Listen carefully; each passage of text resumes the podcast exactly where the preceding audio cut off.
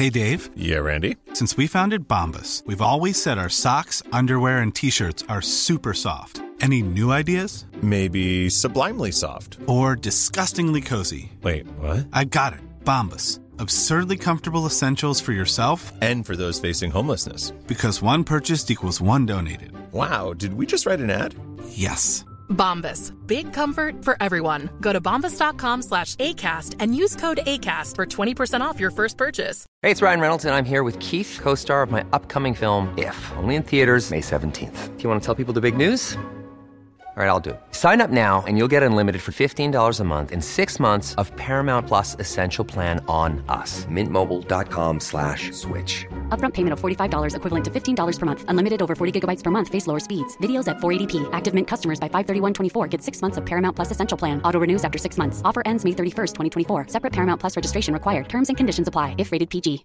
One size fits all seems like a good idea for clothes until you try them on. Same goes for healthcare. That's why United Healthcare offers flexible, budget friendly coverage for medical, vision, dental, and more. Learn more at uh1.com.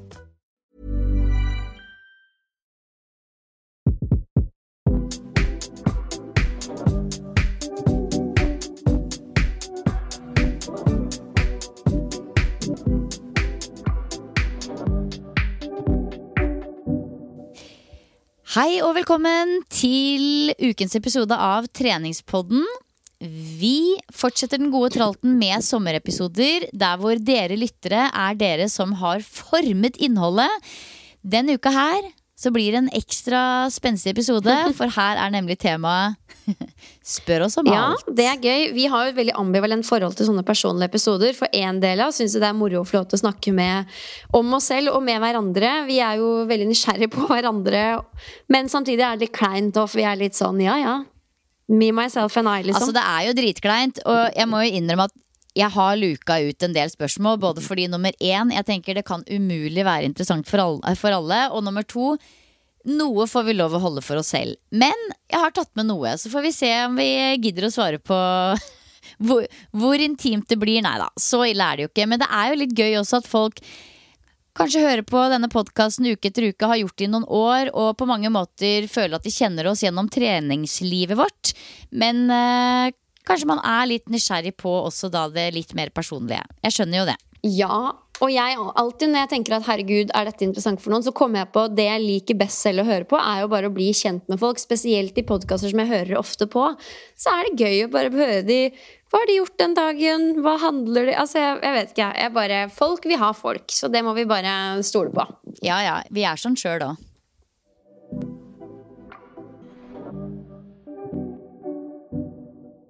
Jeg tror det var tre personer som spurte om det her, Pia, så det er veldig gøy. Når blir det bryllup, Pia? Oi, ja det er gøy. Eh, ja, men det er jo ikke så rart. Jeg gikk jo ut i en vlogg for eh, ganske lenge siden og sa at det ble bryllup 1. juli 2023. Det skjedde ikke. Det skjedde Eh, ikke. Lang, lang historie kort. Vi har jo vært forlova noen år nå. Og ja, tilbake i tid så var vi sånn 1. juli 2023, da skjer det. Eh, Men så skjedde ting. Vi snakka mye sammen, og vi merka at vi hadde mer lyst til å pusse opp både her hjemme og på hytta. Det var sånne Det var ikke småting heller, det var store ting som bugga oss.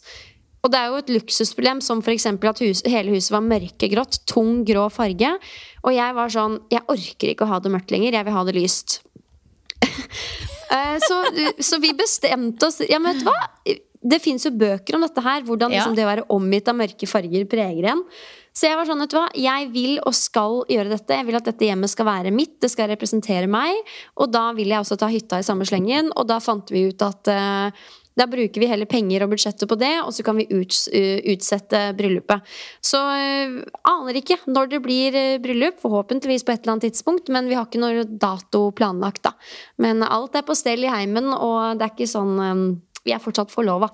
Ja, ikke sant? Og det er jo jeg, altså det, Ja, som sagt, jeg tror det var tre personer som stilte det, det nøyaktige spørsmålet. Og det er jo tydeligvis noe som engasjerer, da. Dette med forlovelse, bryllup. Eh, det er jo noe folk blir veldig nysgjerrig på. Ja, og spesielt når man har gått ut og satt en dato, eh, så blir man jo litt sånn ok, what is up? Når det bare ikke skjedde. Men det er altså ikke så mye mer juicy enn det. Jeg kan jo spørre deg tilbake, Silje. Når blir det bryllup hos deg? Det spørs om det blir noen gang, altså. Jeg er litt usikker. Altså, jeg har jo ikke noe store drømmer om det sånn egentlig. Det, hvis det skulle blitt bryllup nå, så føler jeg at det måtte vært sånn når ungene er voksne nok til at de kan ta seg en skikkelig fest med oss, hvis du skjønner. Mm, mm. Men det er jo også en del litt sånn praktiske ting som er litt i veien for vår del i forhold til at mannen min er fra Australia. Hvor skulle bryllupet vært? Det blir jo på en måte feil både at det er her og der. Det måtte jo vært et sted midt imellom for å få med oss familie og venner fra begge kanter. Og, ja, så, men jeg skal ikke skylde på det, altså. Vi er ikke spesielt gira på å legge inn mange hundre tusen på et bryllup noen av oss. Så hvis det skulle blitt noe, så hadde det blitt eh, enkle kår, for å si det sånn. Ja. Oh, vi også er så veldig sånn Skulle vi hatt det sånn eller sånn? Det er liksom En del av meg kunne tatt uh, tenkt meg kjørt den Sex and the City-varianten, Tinghus og Mækkern etterpå, liksom. Ja, Mens ja. en annen del av meg uh, vil ha den store festen og bryllupskjole og alt det her. Men det er liksom så sjukt mye penger som går med til én kveld.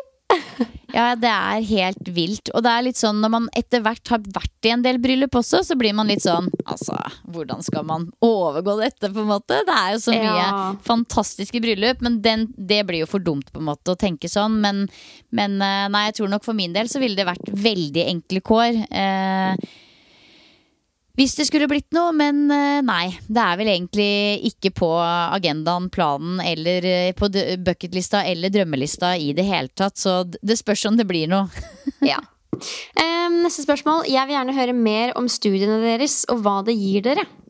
Ja, Altså, jeg har jo Det jeg studerer nå, er jo psykologi. Og det har jeg jo snakka mye om i podkasten også. Dette er noe jeg har drømt om i mange år. Jeg husker at jeg har vært oppe på, på, på Blindern på Universitetet i Oslo ved hele to anledninger og hatt sånn studieveiledning om dette studiet. Og har på en måte tenkt på det så mange ganger, men aldri helt fått ut eh, fingeren. Og så var det jo eh, det å ta yogalærerutdanning som etter hvert ga meg liksom den ekstra giret i å få opp øynene for at shit, dette her det er jo det jeg er interessert i. Det er menneskesinnet som jeg syns er eh, fascinerende og, og, ønsker å lære mer om. Eh, og til slutt så var det jo koronaen da, som gjorde at jeg fikk litt ekstra tid i det alle um, treningssentre var nedstengt og jobben så helt annerledes ut. Da tok jeg valget om å bli student. Så det var jo i første omgang litt sånn Nå tar jeg noen uh, psykologifag under korona fordi jeg har tid og lyst. Og idet på en måte alt åpna igjen, så kjente jeg at åh, dette her har jeg lyst til å fortsette med. Så jeg tror for min del så ok, hva det gir meg Jeg vil si at altså, det, det, det her er jo på en måte det jeg studerer, er på en måte vitenskapen om hvorfor mennesker tenker, føler og handler som vi gjør. Det går stort sett i hånd med absolutt alt det jeg jobber med hver eneste uke. I tillegg til at jeg også lærer mye mer om meg selv. Eh, familielivet. Eh, jeg står tryggere i ulike roller, både i alt fra det å være yogalærer, i møte med veldig mange mennesker på et sårbart sted. Eh, jeg står tryggere i denne podkasten, i det å kunne f.eks. snakke om mentaltrening, sånn som vi gjorde sist uke. Uh, og egentlig alle de ulike rollene jeg har, både i arbeidslivet og på hjemmebane. Så det gir meg masse. Det gjør det. Og så får vi se hva det blir, men uh, foreløpig så er det altså psykologistudie på deltid. Og det tar jo tid når man tar det på deltid. Og det må man på en måte Det må man være content med at det gjør.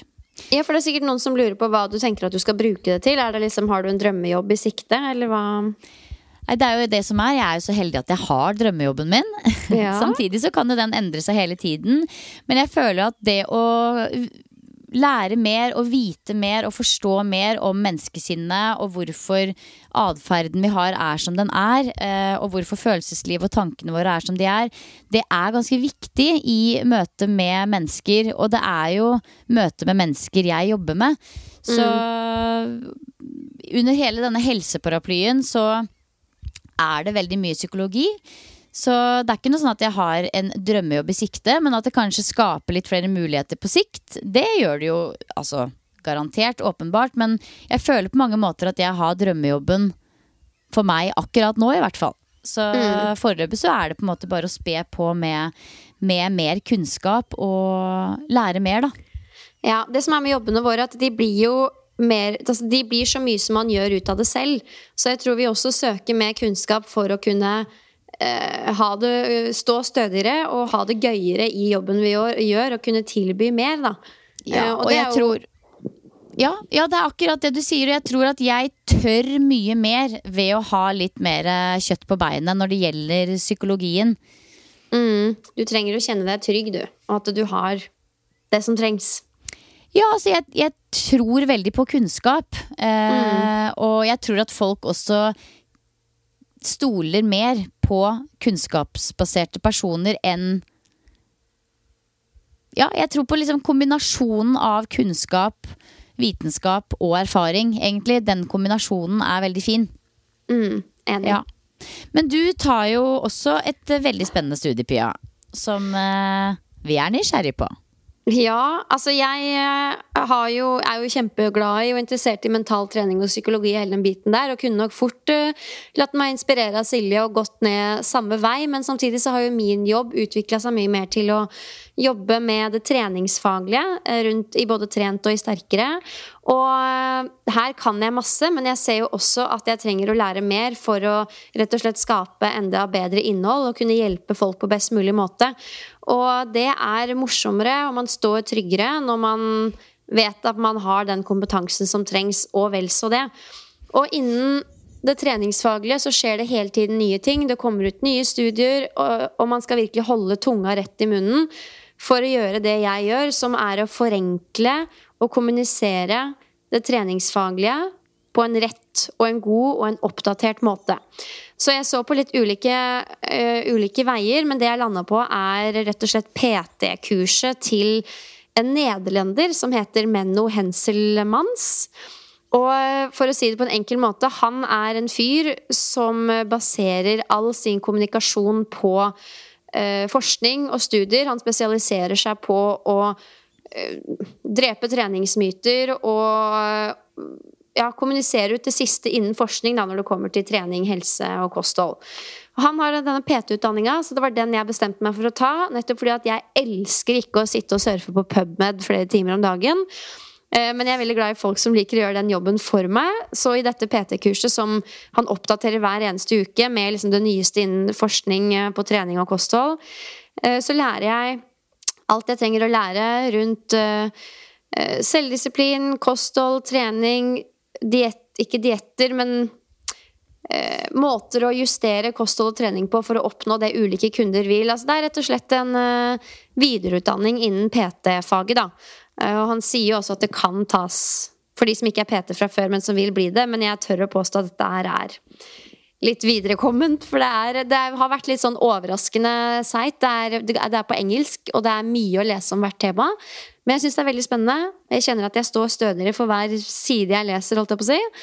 Og ja, det er vel det det gir meg. En større trygghet, og ikke minst masse verdi som jeg gleder meg til å kommunisere ut til de jeg jobber med. Og jeg skal innrømme at det er da spesielt innen kosthold hvor jeg er gira på å lære mer, for jeg ser at der trenger eh, mange hjelp, og jeg vil hjelpe oss.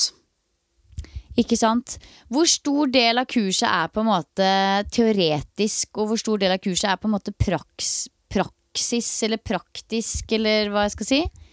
Eh, nei, altså Det meste er jo teoretisk, så det er eh, hver andre uke så slippes det pensum på alt fra 100 til 200 sider, i tillegg til eh, en videoleksjon på alt fra 1 til 3 timer. Så det er beregna at man skal bruke 6-7 timer hver uke på studiet. Og så er det da en sånn quiz-oppgave på slutten av hver sånn bolk, da.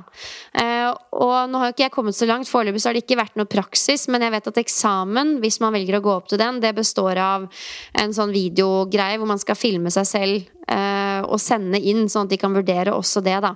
Men eh, det baserer seg jo, ettersom det er online, mest på eh, teori, og at man forstår teorien på en god måte. Ja, Så Veldig har vært- spennende. Spesielt det med kosthold egentlig er jo ekstremt spennende, og det er jo noe som eh, Jeg husker når jeg tok eh, PT-utdanning og kostholdsveilederutdanning på NIH for 100 år siden, så er det på en måte den delen som jeg følte at Ja, jeg fikk eh, jeg, jeg følte at jeg lærte mye, men likevel ikke nok til å tørre å egentlig jobbe med det noen gang. Det har jeg aldri gjort. Det er klart Man deler jo litt tips og råd her og der, men det er nesten mer basert på mine egne erfaringer, eh, erfaringer enn det jeg lærte på skolen. Og nå vet jeg at PT-utdannelsen ser jo helt annerledes ut eh, enn det den gjorde den gang da. Da het det jo noe sånt som sånn når jeg tok disse kursene, jeg tok alt som var rubbel og bit av det som het fitness på NIH. jeg tror ikke det har det navnet lenger. Men, men eh, det, er, det, er, liksom noe med det at du må liksom ordentlig i dybden på det for å kunne ut og dele det eh, på et vis. Ja, absolutt. Og målet mitt nå er at jeg skal kunne si ting eh, om kosthold, blant annet, som jeg vet at stemmer. Jeg skal ikke ha noe sånn dårlig magefølelse på at oh, dette er jeg litt i tvil om, liksom. For nå er jeg også tilknytta et samfunn og noen jeg kan spørre, som gjør at det jeg sier, er oppdatert og riktig. Ja. Så det er en liten vei dit. Det her varer jo helt til mars i 2024, men uh, I'm on a roll. Og jeg tenker jo at jeg skal ta deg på kornet før sommeren, Silje. Så var det sånn, kan ikke vi ha en fast spalte med Pia-lærer og Silje-lærer, og det vil jeg gjerne, sånn at jeg kan holde meg selv litt sånn ansvarlig. For jeg tror ikke jeg er like flink som deg til å holde struktur. Eh, jeg har utsatt litt foreløpig, så jeg, det blir noe skippertak. Ja, men det tenker jeg også er litt interessant å høre hvordan vi faktisk gjør. For det, det er jo, alle vet jo det, vi jobber jo fulltid eh, og vel så det, og studerer ved siden av. Og det er eh, hvordan gjør man det? Altså For min del så er jeg på en måte Jeg er ganske avhengig av å lage plan Altså jeg må sette meg ned i starten av hver måned og se plotte det inn disse dagene, disse dagene, disse dagene. Jeg har hatt litt sånn hellig eh, opplegg med å være på skolen hver fredag, men så er det jo ikke alltid det går. Og når det avviker, så må man jo plotte det inn på et annet sted. Eller så blir det For for min del, nå ungen Altså du har jo fortsatt barn som legger deg tidlig. Da er liksom muligheten på kveldstid der i litt større grad. Men for min del, ungen er ikke i seng før liksom nærmere ni, og da er det jo helt uaktuelt å sette seg ned med studier. For det for min del så tar Min hjerne fungerer sånn at det tar meg minimum 20 minutter å sette meg ned til jeg på en måte er godt inne i materien. Minimum. Så, så, for meg så må jeg liksom ha en god bolk med tid for å kunne få det til. Jeg klarer ikke sånn 30 minutter der, én time der. Da er det bedre at jeg heller setter av én ordentlig dag én gang hver 14. Mm. dag heller, på en måte. Uh, ja, jeg skal prøve å skape meg den strukturen der uh, til høsten. Jeg må det. Ja, altså nå er det jo sommerferie, så nå er det jo ikke noe struktur på noe, noe som helst for noen, håper jeg. Uh, men ja, det er i hvert fall sånn jeg har fått det til å fungere hittil. Men det er på ingen måte optimalt her heller, altså. Skulle jo selvfølgelig Nei. hatt mye mer tid til rådighet. Ja, sånn sett som kjæresten min sa. Han var sånn Å ja, et kurs. Det er jo det du trengte når du allerede har for mye å gjøre. Men ja, jeg tror og håper at jeg har mye å hente på denne strukturen min. Uh, og så får vi se åssen det går, da. Ja. Jeg tror at det er det som er eh, løsningen på det meste. Ja. Um, Siljes beste sporty mama hacks. Ja. Det er jo uh, sporty mama. Ja, jeg tar på meg den tittelen. Ja, det kan du. Altså, you, you can wear the crown. Ja da.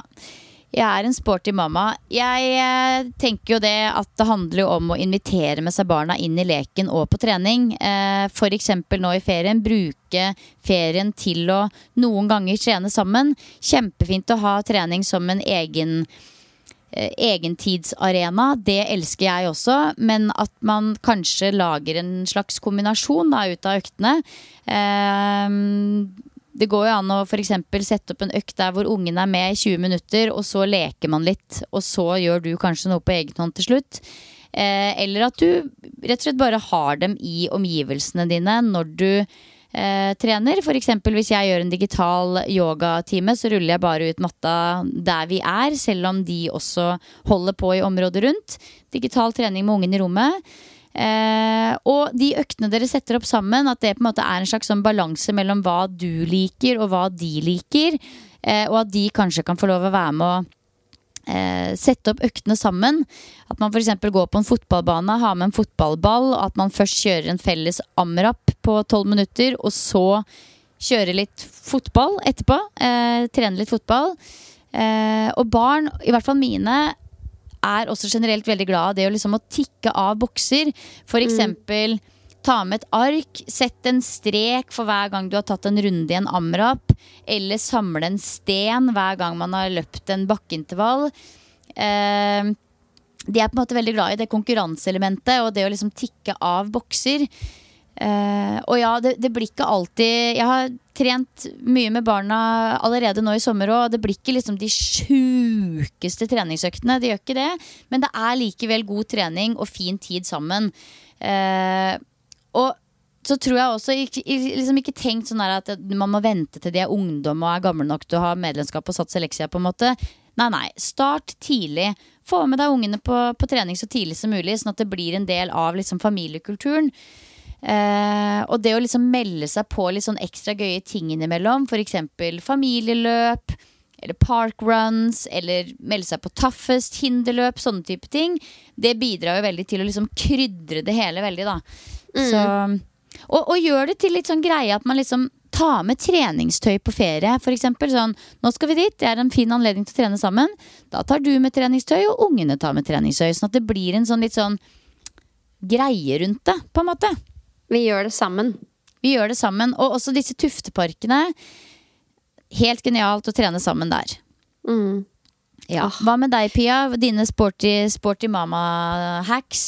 Nei, altså Silvester er jo Det er først nå han begynner så, å bli såpass stor at han kan uh, være med på litt ting. Og jeg prøver jo liksom å være god på å ta med han på morgenturer når vi er på hytta. Kjøper treningstøy til han. Uh, snakker om at mamma trener for å bli sterk. Eh, ja, drypper det inn liksom litt sånn her og der. Og han har jo vært masse rundt når jeg driver og trener og holder på på matta og sånn, så jeg prøver å stole på at det bare um, det han syns det er moro. Foreløpig så ser det veldig lovende ut, og så får vi bare håpe at det fortsetter. Ja da, jeg er sikker på det. Det er liksom noe med det at det blir en sånn hyggelig del av familiekulturen. At man gjør noe, man gjør noe aktivt sammen, og at det er gøy. Og det er jo akkurat sånn som for alle andre, ikke alltid sånn at det frister å trene for barn heller.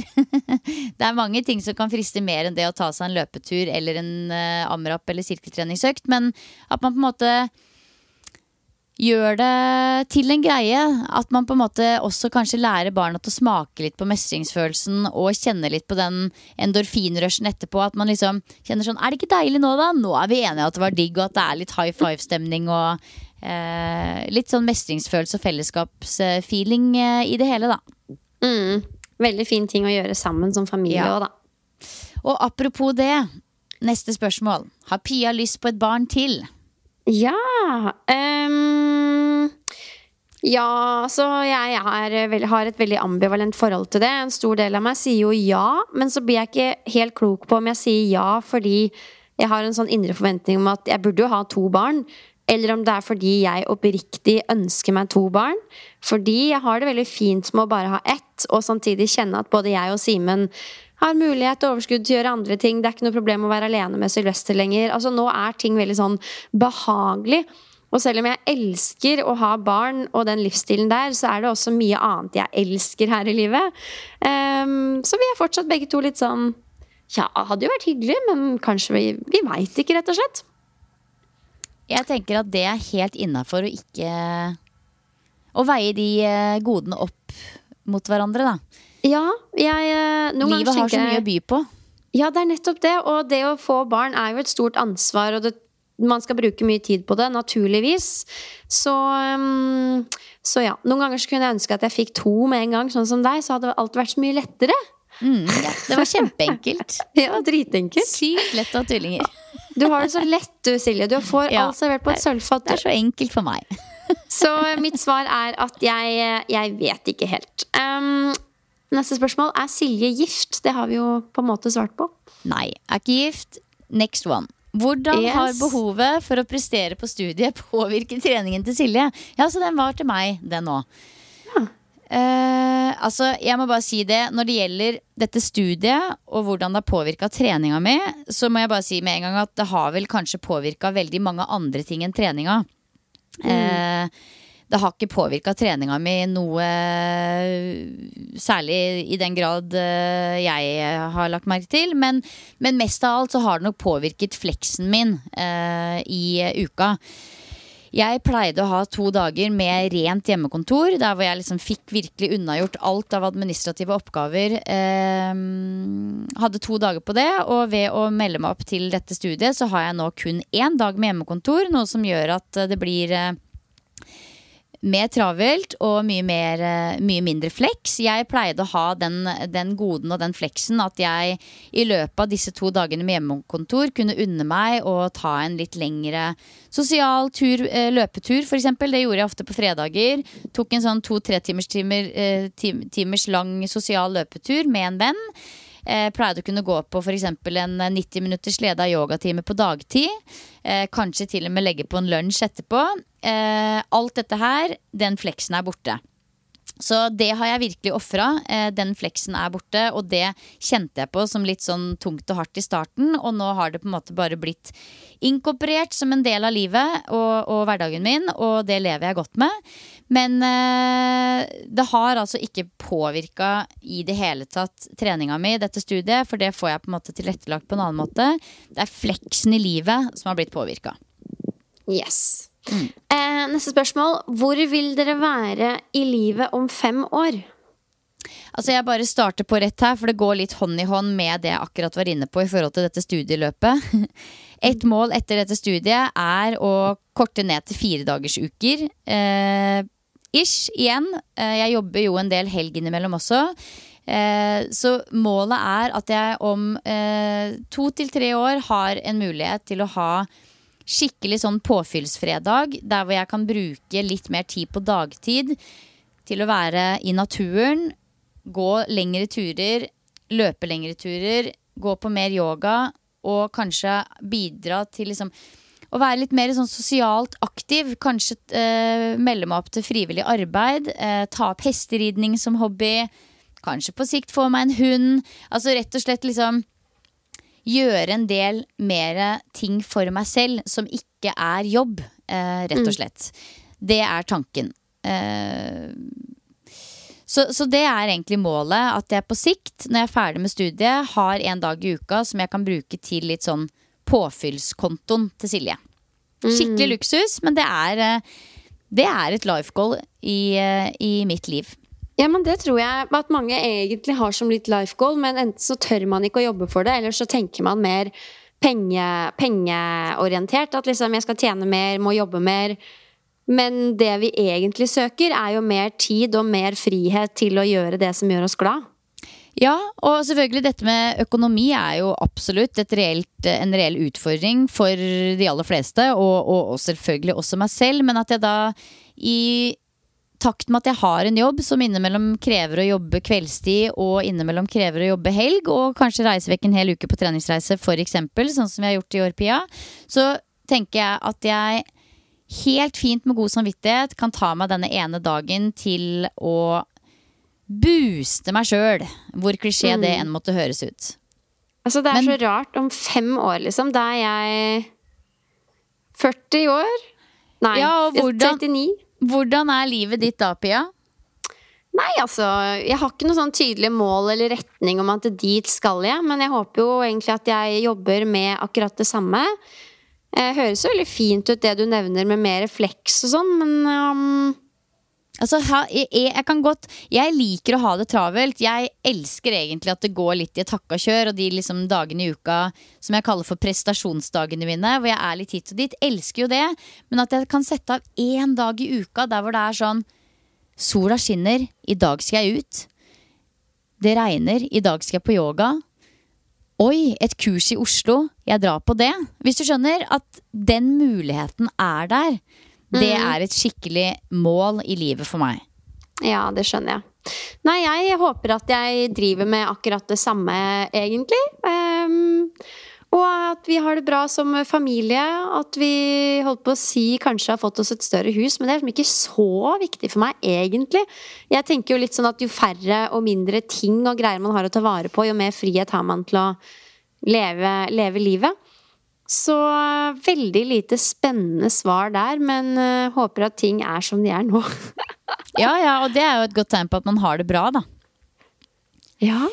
Jeg gikk litt i tenkeboksen. Jeg skal prøve å komme tilbake til det spørsmålet i løpet av episoden hvis jeg kommer på noe, men jeg har jo egentlig slutta å være veldig sånn målorientert langt fram i tid, og heller jobbe for å ha det bra her og nå. Fordi altså, man vet aldri hva som kommer til å skje. Så jeg vet ikke, jeg vil liksom ikke fokusere altfor mye på det som er langt, langt der framme, men heller også bare, bare være her og nå, nyte livet og ja, sette pris på det.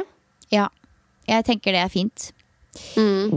Deres tre beste sporty hacks til oss i Mammaperm. Ja, eh, få deg en god vogn som er helt rå å trille med. Ja. Eh, ha gode hodetelefoner som du kan høre på masse podkaster og god musikk eh, med, for det gir deg lyst til å gå på turer. Og ha et liksom minitreningsstudio hjemme. Da mener jeg bare en matte, noen minibands og kanskje en kettlebell eller hantel eller to. Og ha liksom en plan klar med hjemmetreningsøkter som passer deg. Sånn at du kan få inn en liten svettefest eh, flere ganger i uka uten at det krever masse rigging, da. Det er gode tips. Altså, eh, når jeg var i mammaperm, så bodde jeg på Grünerløkka i litt sånn eh, blokk. Og da var eh, et, et lite hack fra meg der var å få ungene til å sove. Og så løp jeg trappeintervaller. Så ungene sto liksom og sov i, i den ene etasjen, og så løp jeg trappeintervaller opp og ned. Vi bodde, Det var sånn syv etasjer. Så det er et lite hack. Trappeintervaller mens ungen sover. Eventuelt bakkeintervall. Hack nummer to, og dette her etterlevde vi fra det, den dagen ungene var gamle nok til å komme inn på barnepassen på gymmet. Da, Da- var det barnepass på trening. Ah, jeg fikk jo, eller Koronaen kom jo noen måneder etter at jeg hadde født, så jeg fikk jeg jeg hatt med Sylvester i etterkant sånn én gang eller noe. Men tro meg, jeg hadde også Og brukt den flittig. Ok, ok. Altså, vi var helt ramme på det.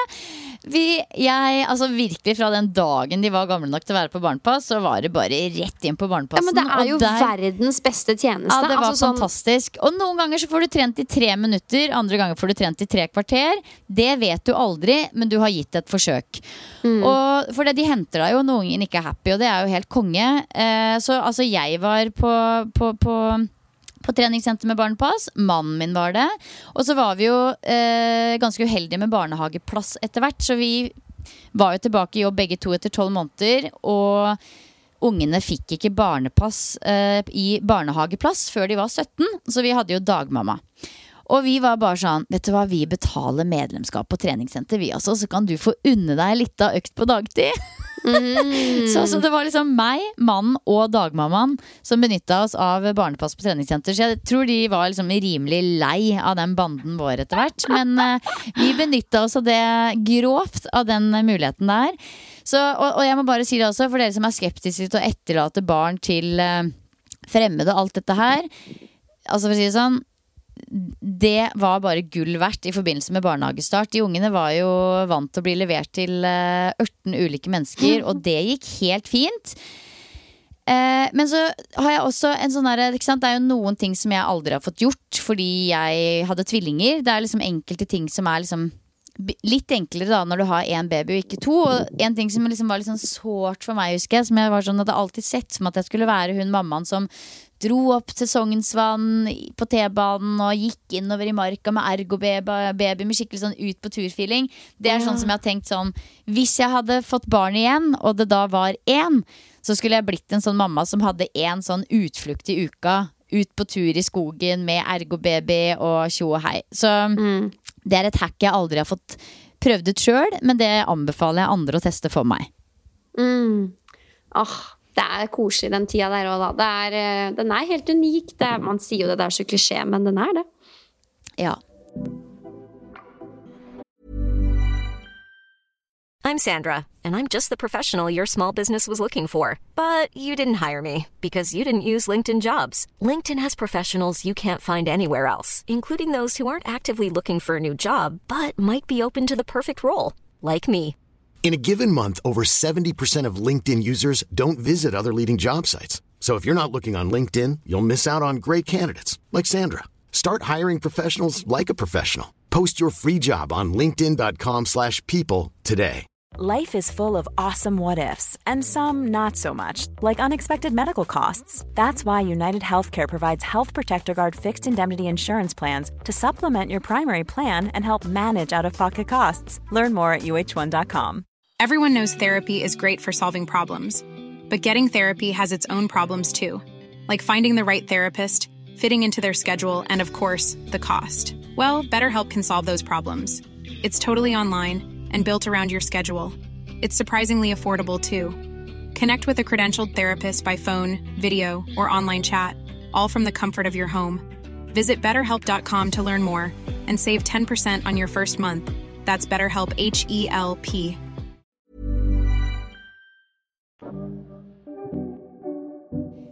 Hva er det aller beste dere gjør for den fysiske og mentale helsen?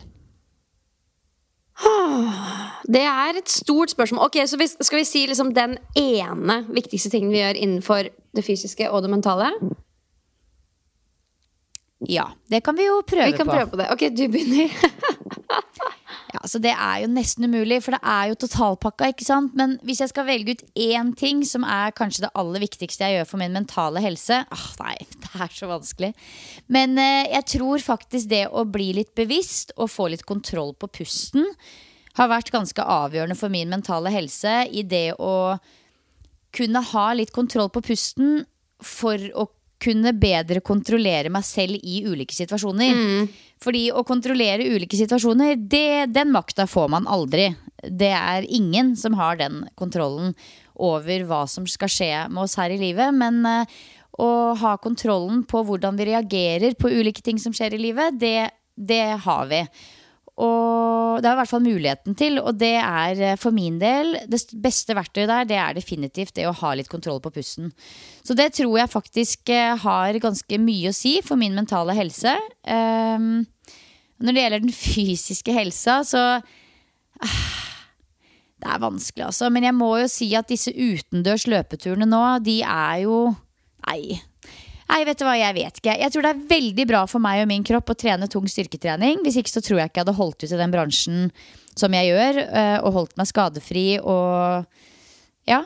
Eh, Men samtidig så er det jo også med tanke på Nei, vet du hva, jeg klarer ikke å velge mellom kondisjon og styrketrening, Pia. Sorry. Nei. Du kan få lov å ta over eh, ballen. Ja. Uh, når det kommer til det mentale, det er vanskelig å velge én ting, og det fysiske spiller jo veldig inn på det mentale. Men for min del så tror jeg det må være Det som gjør alltid at jeg har det best mulig, det er å lytte til, ta vare på, og oftere enn man skulle tro, handle etter følelsene mine. Så det handler om, det har jeg snakka om før, at jeg det året her og en stund har, hatt og prøver å ha fokus på å ta mine egne følelser på alvor og respektere de på samme måte som jeg ville respektert og lytta til andres følelser. Og tørre å ytre de, selv om jeg kanskje vet at de jeg ytrer de til, ikke er enige. Eh, og det gjør at jeg føler meg sett, og det gjør at jeg kjenner meg ekte, som er en viktig verdi for meg. Og det, det gjør at jeg har det mye bedre mentalt. Jeg kjenner meg fri, og jeg slipper å, å føle at jeg liksom undertrykker ting, da. Noe jeg tror er veldig viktig. Det er ikke sånn at jeg alltid klarer dette her og sier akkurat det jeg vil når jeg vil, men jeg rett og slett sjekker inn. Jeg er jo ikke noen sånn yogi som deg i det hele tatt, men jeg liker å tenke at jeg gjør det liksom litt yoga på min måte. At jeg er flink til å sjekke innom og eh, ja, handle på følelser, tror jeg er viktig. For den mentale helsa mi. Og når det kommer til det fysiske, nå er jo jeg i gang med dette PT-kurset mitt. Og lærer jo, altså det har jo et veldig fokus på styrketrening, fysikk, endre fysikk. Sånne ting. Og jeg lærer um, annet mye om hva muskulatur eh, gjør for kroppen og helsa i sin helhet. Det handler om så mye mer enn eh, bare det å se ut som en som trener. Så for meg, og det merker jeg også både mentalt, og som du sier, at jeg klarer å holde ut i jobben jeg gjør, så er det viktigste jeg gjør for helsa, det er å klare å trene den tunge styrketreninga måned etter måned, og søren meg år etter år. For det krever litt mer å møte opp til en styrkeøkt på egen hånd enn å gå til en gruppetime, kjøre noen intervaller. For meg i hvert fall så er det liksom en mobilisering som må skje, og um, jeg er glad jeg klarer å gjøre den mobiliseringa med god kontinuitet. Fordi jeg tror det gjør at jeg ja, har det så bra som jeg um, har det. Og så er det noen fallgruver på veien. da Man kan trene litt feil over tid og få en stiv nakke og noe greier, men da må man uh, takle det òg. Ikke sant? men det er i hvert fall Ja. mitt svar. Men du, ja, du klarer ikke å velge mellom styrke og kondisjon? Jeg syns det er kjempevanskelig. Jeg, jeg tror veldig på at kondisjonstreninga er veldig viktig. Eh, og så vet jeg jo at styrketreninga også er kjempeviktig. For min del først og fremst for å kunne drive med det jeg driver med, egentlig. Eh, Men jeg, jeg tror jo også veldig på at det er totalen av alle de ulike verktøyene vi benytter oss av, og totalen av alle de ulike treningsformene som vi bedriver, som er liksom det beste vi gjør for helsa vår. Sånn egentlig, det å være allsidig er også eh, nøkkelen, tror jeg, til å ikke få skader, eh, holde motivasjonen oppe og kunne gjøre mange ulike ting, da. Ikke bare fokusere på enten det ene eller det andre. Ok, det var forsøk på svar fra oss. Ja, det var et uh, Ja. Det ble som, så det ble så der. Um, ok, Neste spørsmål. Hva inspirerer dere? Ja, det er jo eh, veldig mye.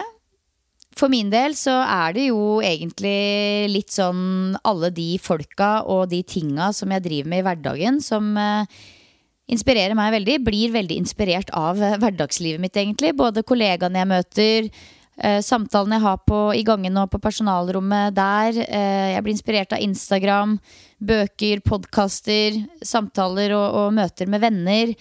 Eh, men litt sånn over hele linja så er det jo stort sett kanskje folk da som eh, gir meg en følelse som inspirerer meg aller mest. Gjerne liksom folk som har litt drive, og folk med X-faktor. Jeg blir ikke så inspirert av liksom de perfekte menneskene, men heller de litt mer sånn udefinerbare. De som man ikke helt klarer å kanskje få helt Jeg vet ikke. Wrap my head around, på en måte. Folk med en historie, rett og slett. Eller folk med karakter. Eh, og så blir jeg jo veldig inspirert litt sånn ekstra da, av de folka som på en måte gidder å ta kampen. Ulike typer kamper og stå i litt dritt. Altså for eksempel Greta Thuneberg, som alle liksom elsker eller hater, og som får så sykt mye drit og drapstrusler og eh, Altså, kritikk. Det er eh, Jeg, jeg, syns det er tøft at folk gidder år etter år å stå i sånne kamper som å bli offentlig dissa, liksom. Det, det, det er, ja, altså folk som har stått opp for oss og gått veien for oss på et vis, de, de er jo selvfølgelig ekstra inspirerende. Enig. Ja. Har du noen sånn én person eller topp tre, eller noen som du liksom alltid når du møter dem eller ser dem på Instagram eller i en film eller whatever, som du blir sånn Fy søren. Inspirasjon. Um, altså, jeg blir jo veldig inspirert av deg. Det er ikke sånn at hver gang vi er sammen, så er jeg sånn Fy fader. Men samtidig litt òg. Altså sånn, det er nesten sånn at jeg tror en liten del av meg Fordi måten vi kom, ble kobla sammen på, på den måten vi har blitt, og hengt sammen nå i over så mange år Jeg føler liksom det var en mening med det. Eh, at du liksom skulle være min mentor. Eh, altså du liksom, jeg føler at du virkelig gjør meg til et bedre menneske ved å bare leve ditt liv. Men det tror jeg også skal være Det er litt oppgaven din i livet ditt. At du skal gå den reisen du gjør.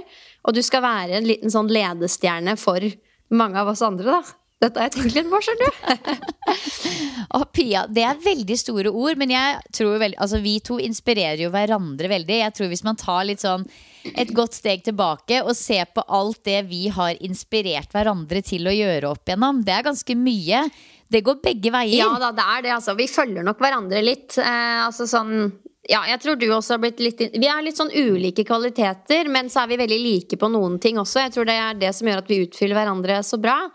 Og at vi til dels da inspirerer hverandre, da. Så mm, jeg må si at jeg blir veldig inspirert av deg og andre mennesker som tør å være 100% seg sjøl. Det er så klisjé å si, men ja, liksom som du nevnte, mennesker som er en karakter, eller i hvert fall kommer ut av skallet sitt og ler litt ekstra høyt. Forteller om sårbarhetene sine, deler meningene Ja. sine. De som bare tør å være skikkelig mye av seg sjøl. Og det prøver jeg å støtte meg på. Du vet de gangene når vi har vært i sånn forskjellige lag, og sånn, og så, og så snakker vi om at vi bare føler at åh, det er, jeg, det var, jeg var altfor mye, liksom. Men det er jo, da prøver jeg å trøste meg med at det er jo de menneskene jeg liker best. Heller det enn å være tause-Birgitte i hjørnet, liksom. Ja. Um, Og så tror jeg også jeg, jeg, jeg blir jo inspirert av folk som lar seg inspirere òg. For det, det, er ing- det, med, okay, det er to typer mennesker som okay, det, er ikke, det er jo veldig generaliserende å si, men det er et par typer karaktertrekk ved mennesker som jeg finner veldig uinspirerende, da, for å si det sånn. Og det er nummer én de som er bastante, som eier sin sannhet, og som bare lukker ørene det sekundet noen andre begynner å snakke. beklager, men det har jeg store problemer med. Eh, og så nummer to, de folka som alltid er slitne. Ja. Og det er så fælt å si, fordi jeg snakker ikke om sånn Vi har lov å være slitne.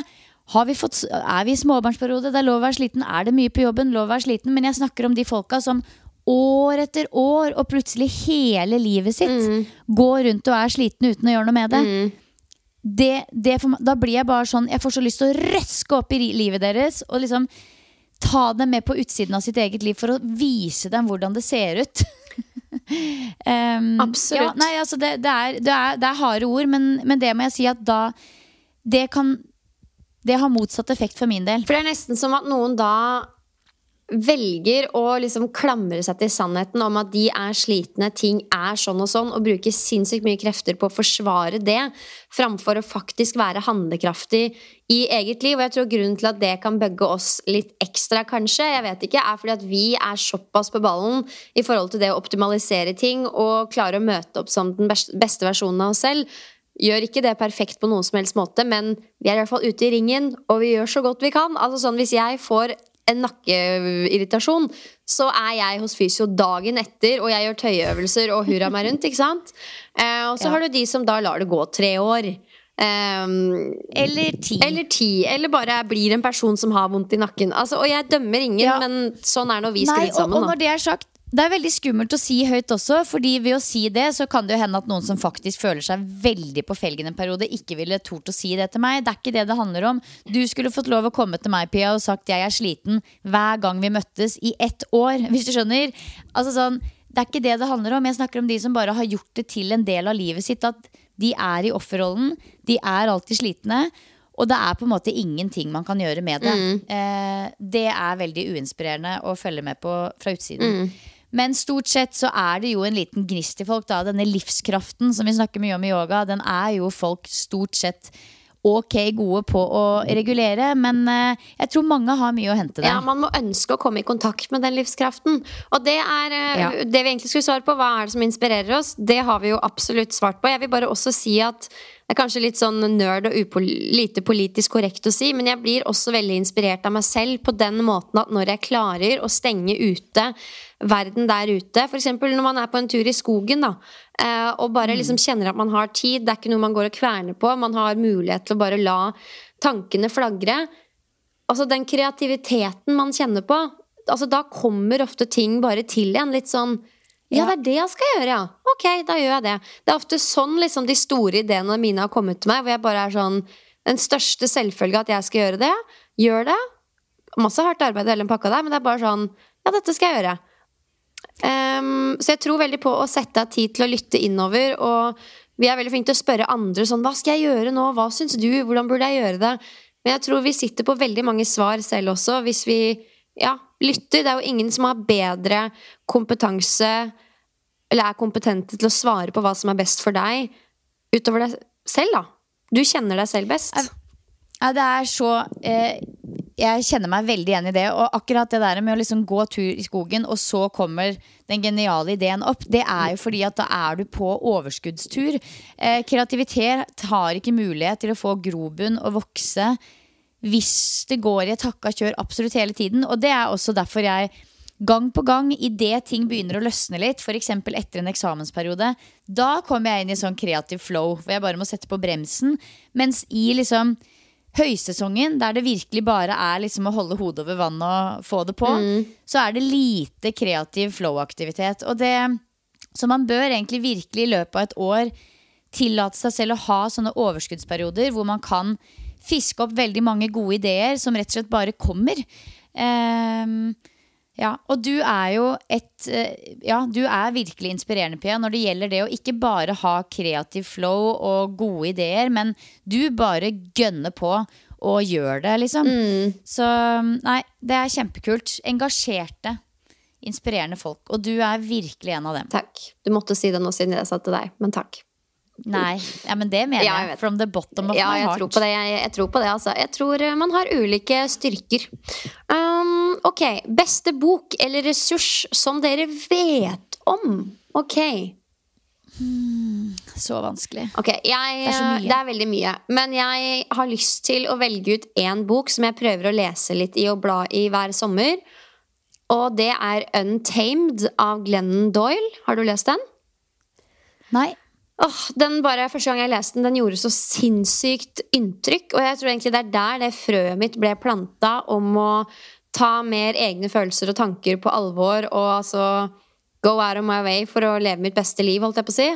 Eh, Altså, hun skriver mye om kvinner i dagens samfunn, men også før i tida. Hvordan vi må tørre å være oss sjøl. Det er bare en utrolig sterk bok. Litt sånn feministisk, men samtidig bare en, altså en sabla god bok. Så Untamed av Glennon Doyle tror jeg er veldig fin for alle jenter og kvinner å ha lest. Ah, det var et godt tips. Vi er jo litt på biblioteket nå i løpet av sommeren og plukker med oss diverse. Jeg må si litt sånn samme som deg, en bok som det på en måte alltid er fint å ta opp igjen og bla litt i. Det er boka til Karina Carl, 'Tenk enkelt'. Den har også veldig mange fine eh, refleksjoner og øvelser som er på en måte igjen handler om å tenke enkelt. Eh, en mindfulness-bok på mange måter, og en psykologibok. Eh, eller så er det jo podkaster som jeg føler er veldig sånn en sånn evig kilde til eh, ressurs og inspirasjon og motivasjon.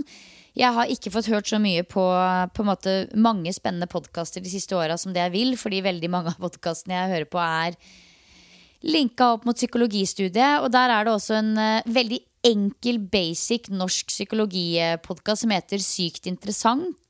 Sykt interessant. Mhm. Sykt interessant. Som det går an å fiske opp.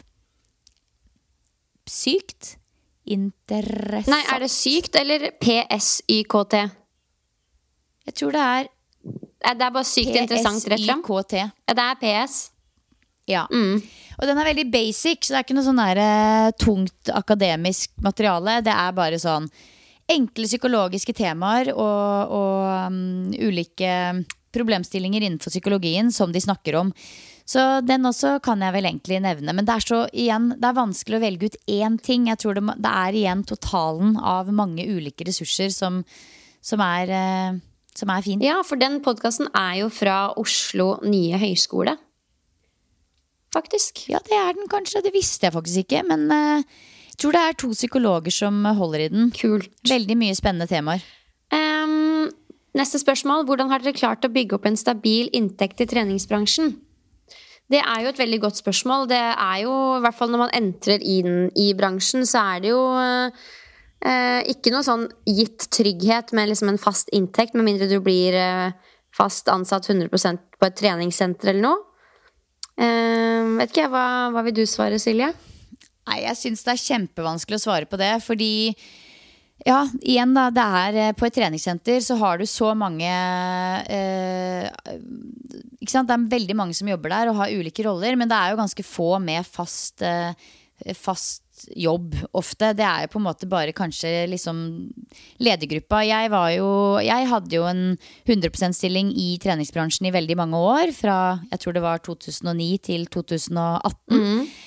Eh, og var jo kjempeheldig sånn sett. Men veldig mange i treningsbransjen jobber jo eh, gjerne som personlige trenere, som eh, der de er leid inn som konsulenter eller ja, fakturerer. Eller som gruppetreningsinstruktører, eller som en miks av dette. Kanskje man har litt bedriftstimer. Man er jo ofte litt potet, rett og slett. Det som kalles en god gammeldags potet, som kan brukes til det meste. Eh, og da er det jo sånn at ved, har du har du mange PT-kunder og klarer å få det til å være en stabil inntekt uh, året rundt, og jobb, ta, liksom, så, så er det, kan det være en kjempegod inntekt. Men det er jo det at det er uh, litt usikkerhet, så, så man må ta høyde for. da F.eks. i forkant av en sommerferie. Da vet man at høsten, starten på høsten, da blir det litt mindre å rutte med. Man må jo på en måte være ganske rå på det å strukturere sin egen økonomi. Men jeg eh, jeg har ikke noe gode svar på det. Jeg tror det er en god kombinasjon. Altså hvordan jeg har klart å bygge opp en stabil inntekt. Det er en god kombinasjon av veldig hardt arbeid. eh, også lagt inn en del timer med gratis arbeid for å på en måte vise meg frem på ulike arenaer. Og eh, også selvfølgelig eh, vært heldig med arbeidsplassen min på Myrens, f.eks. Der jeg var i veldig mange år. og kun der, og fortsatt er, delvis. Eh, så jeg tror det er en god kombinasjon av mange ting. Men et godt stykke arbeid, målretta, det, det må man nok belage seg på at uh, må være med. Mhm.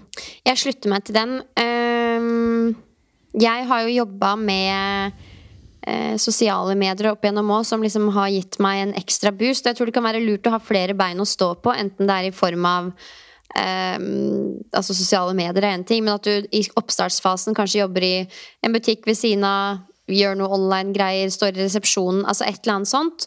Og ikke minst at du lager deg et regnestykke og ser at ok, for at jeg skal være på et godt nivå, så skal jeg ha så og så mange PT-timer, jeg skal bruke så og så mye på mat. Altså at du liksom outliner hvordan dette bildet skal se ut, og så har du noe å strekke deg etter, og hver måned så er du sånn Det er dette jeg skal ha på plass for at ting skal stemme. Da tror jeg man får en ekstra boost til å faktisk få inn de x antall PT-timene i løpet av en uke og en måned. Og at du tar litt kontroll, rett og slett. Maler et bilde, og så begynner du å fargelegge.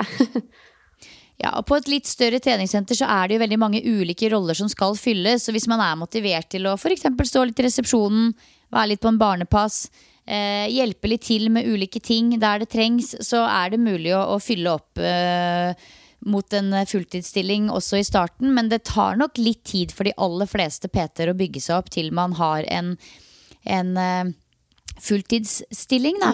Eh, men det er absolutt mulig, og ikke minst absolutt verdt det, for å si det sånn. For det er jo verdens beste sted å jobbe.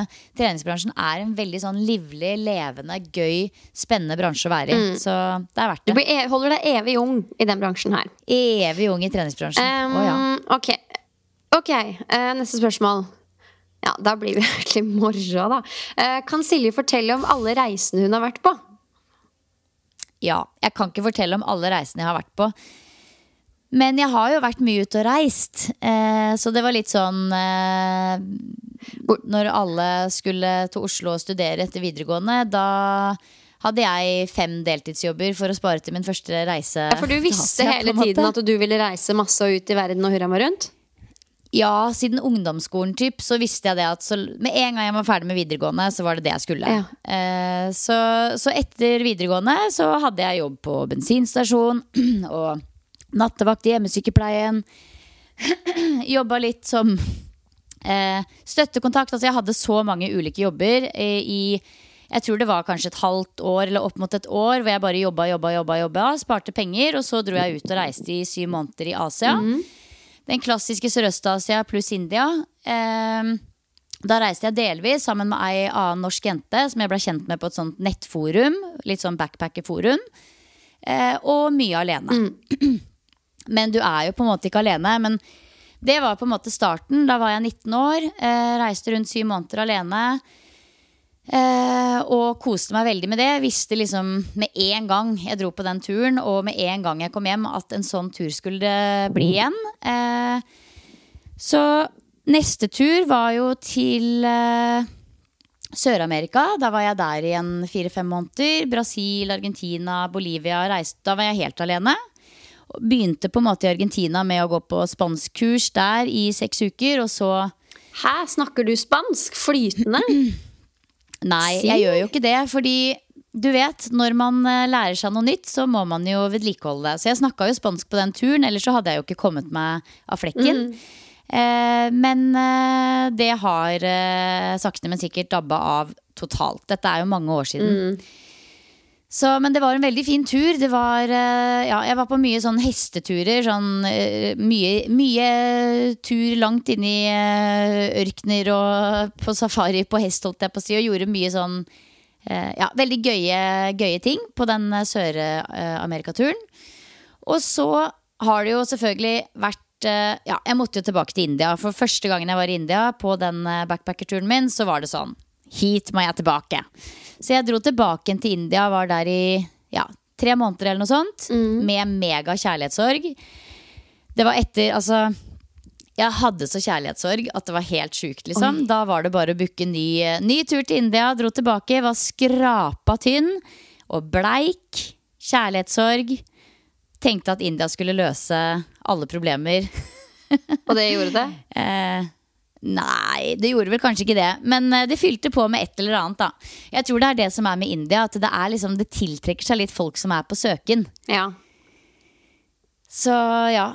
Nei, og så har det jo selvfølgelig åpenbart vært veldig mange turer til Australia eh, etter at jeg fikk meg kjæreste derfra. Og det er jo mange år siden nå. Og da har vi ofte tatt og mellomlanda og tatt noen stopp i Asia på veien.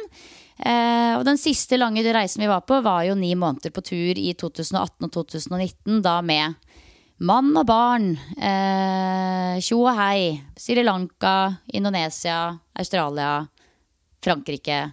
Ja. Så det har vært noen reiser opp igjennom, og det er jeg altså så takknemlig for. For det tror jeg virkelig har forma meg eh, veldig mye som person. Mm, veldig inspirerende. Ja. Jeg husker at Så det, blir ikke, det er ikke slutt på reisene. Nei, det gikk på ingen måte. Du skal inn i reiseliv 2.0 du nå snart. Ja, nei, det er noe eget med å være på farta. Og jeg er ikke en sånn person som liksom liker å ha sånn to dager der, tre dager der. Jeg liker å komme et sted, og så skal jeg lande der og være der i mange måneder. Og med tanke på et miljøperspektiv så er jo også det helt klart det mest riktige. Dra et sted, være der lenge, få det ut av systemet, og så dra hjem. Men har du prøvd å reise til Drammen? Være der lenge og virkelig oppleve Nei da. Du, det har jeg fortsatt på to do-lista mi. Ja, du har det, ja? Det kan skje. Ja, hvem veit. Um, nei, jeg elsker det. Jeg reiste ingen som har spurt meg om det spørsmålet, da. Jeg reiste jo jorda rundt, jeg, jeg, på et eller annet tidspunkt der. Det var etter bachelorgraden min på BI, så var jeg en venninne som var sånn Nå skal vi reise. Koste meg på reisen. Jeg var også litt sånn Nå må jeg komme meg hjem og sette i gang med livet mitt. Sånn, jeg kan ikke bare drive dank rundt i verden sånn her. Nei, ikke sant? Nei da, altså det blir jo Og det må jeg bare si, at det er sånn eh, Jeg eh, angrer ikke et sekund på hvordan jeg valgte å legge opp de turene på det stadiet jeg var da i livet, men jeg tenker på liksom hva jeg kunne gjort på disse turene nå, i form av liksom ikke sant? Videreutvikling og kurs og teacher training, så, eh, så er jo det helt utrolig. Men jeg tror liksom det, det, er lite, det er umulig å bytte ut den erfaringen jeg hadde med å faktisk bare drive dank, Ja, nei, sånn som jeg gjorde veldig mye. Og alle de samtalene man har hatt i hengekøyer rundt opp igjennom, og på nattbusser i India.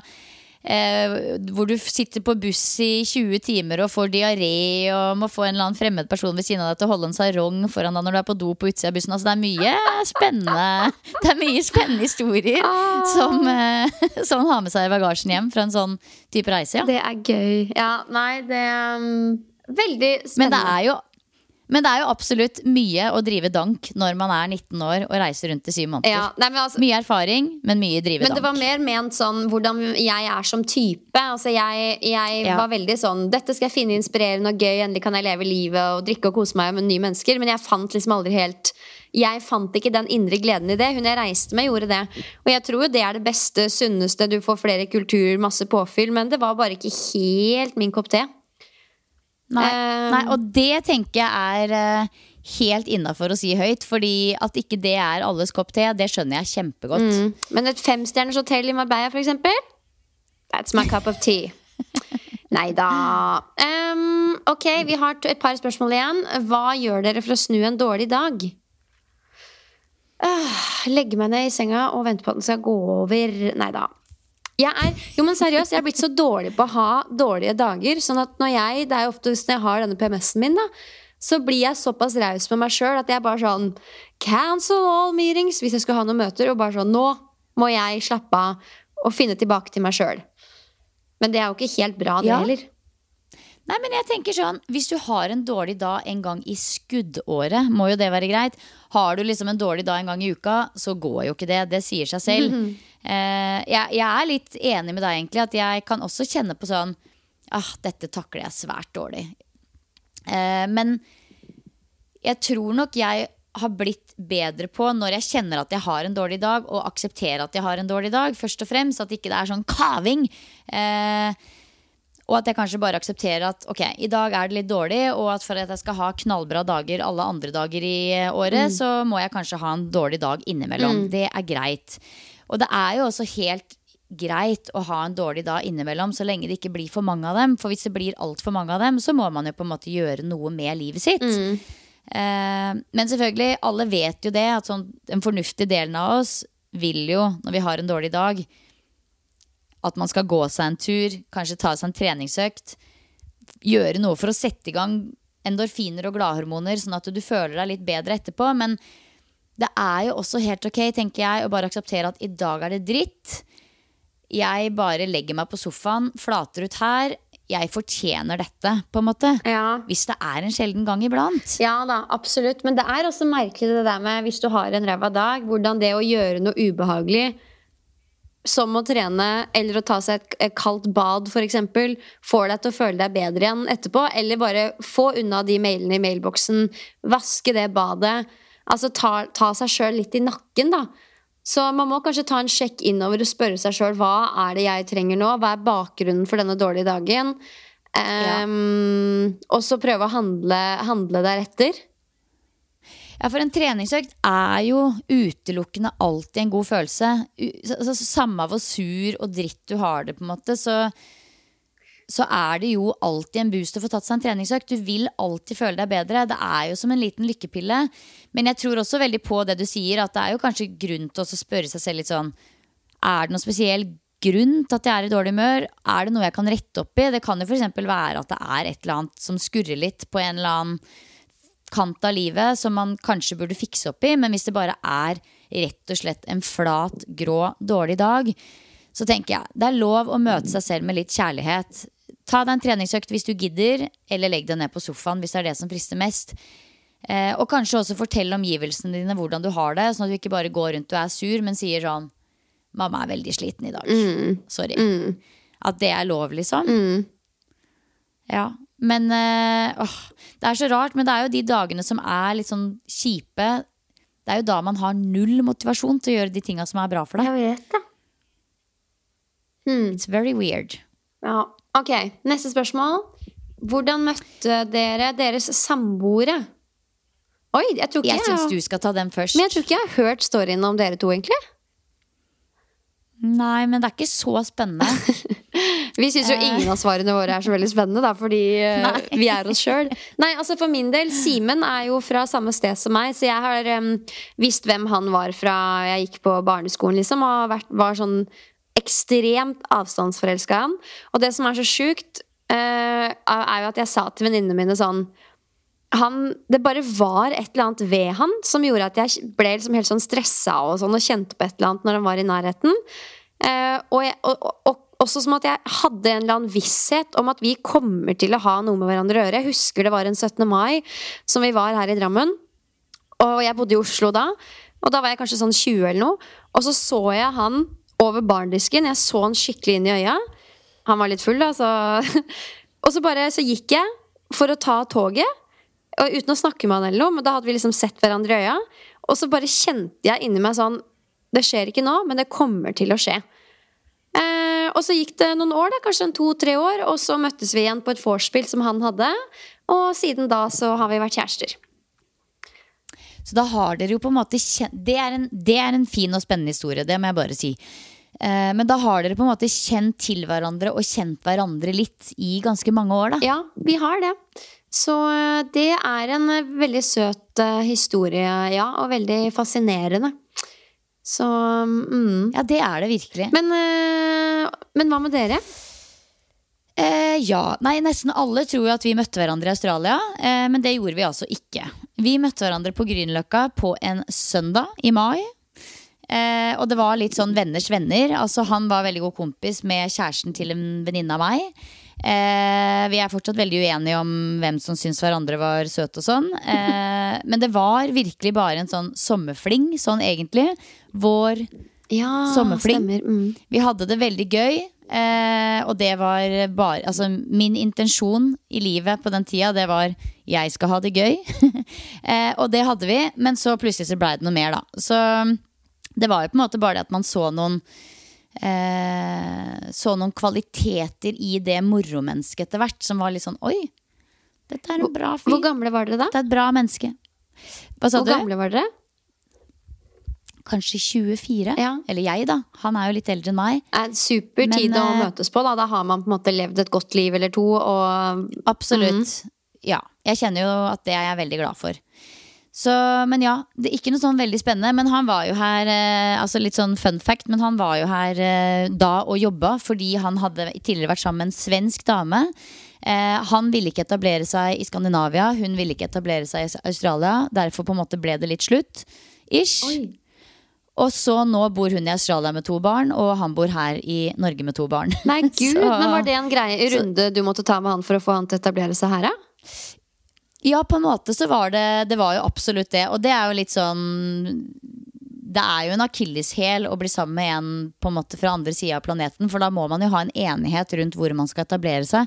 Så, så det er liksom eh, Det er noe man bør tenke gjennom, da. Så langt man ikke er supergira på å flytte til Australia. Ja. For da er det jo flaks. Det er jo ikke det verste stedet å flytte til, sånn med tanke på hvor digg det virker der. Men det er klart, det er det jo Du kunne jo ikke vært lenger unna hjemme, og det hadde nok jeg slitt med på sikt. Det tror jeg du hadde slitt med Ja. på sikt. Så ja. Men altså, ja. Nei da. Det er eh, Sånn var det. Men du vurderte sånn aldri å flytte til Australia? Jo, altså det har jo selvfølgelig vært mange runder med det, så vi, vi får se. Vi får se. Men uh, foreløpig så er vi jo veldig happy her, og det eh, Jeg tror at hvis man skal etablere seg i Norge og kommer fra et litt mer sånn eksotisk, tropisk land, så må man jo bli veldig glad i den norske naturen og sesongene. Hvis ikke så er det dødfødt. Man må på en måte sette litt pris på at vi har fire sesonger og ulike aktiviteter som man gjør i de fire sesongene.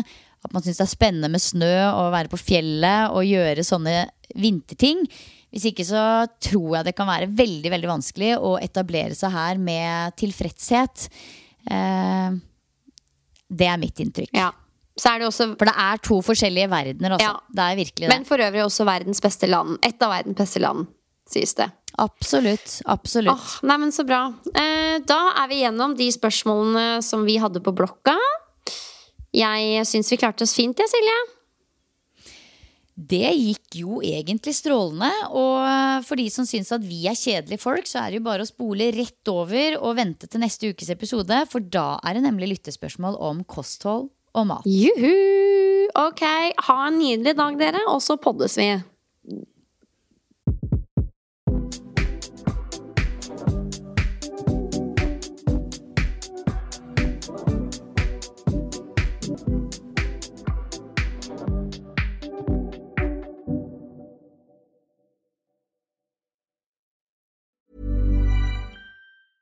Mom deserves the best, and there's no better place to shop for Mother's Day than Whole Foods Market. They're your destination for unbeatable savings, from premium gifts to show-stopping flowers and irresistible desserts. Start by saving 33% with Prime on all body care and candles. Then get a 15-stem bunch of tulips for just $9.99 each with Prime. Round out Mom's menu with festive rosé, irresistible berry chantilly cake, and more special treats. Come celebrate Mother's Day at Whole Foods Market. Hey, it's Paige DeSorbo from Giggly Squad. High quality fashion without the price tag. Say hello to Quince. I'm snagging high-end essentials like cozy cashmere sweaters, sleek leather jackets, fine jewelry, and so much more. With Quince being 50 to 80% less than similar brands. And they partner with factories that prioritize safe, ethical, and responsible manufacturing. I love that. Luxury quality within reach. Go to quince.com slash style to get free shipping and 365 day returns on your next order. Quince.com slash style. Imagine the softest sheets you've ever felt. Now imagine them getting even softer over time. That's what you'll feel with Bowl and Branch's organic cotton sheets. In a recent customer survey, 96% replied that Bowl and Branch sheets get softer with every wash. Start getting your best night's sleep in these sheets that get softer and softer for years to come. Try their sheets with a 30-night guarantee. Plus, get 15% off your first order at bowlandbranch.com. Code BUTTERY. Exclusions apply. See site for details. This message comes from BOF sponsor eBay. You'll know real when you get it. It'll say eBay Authenticity Guarantee.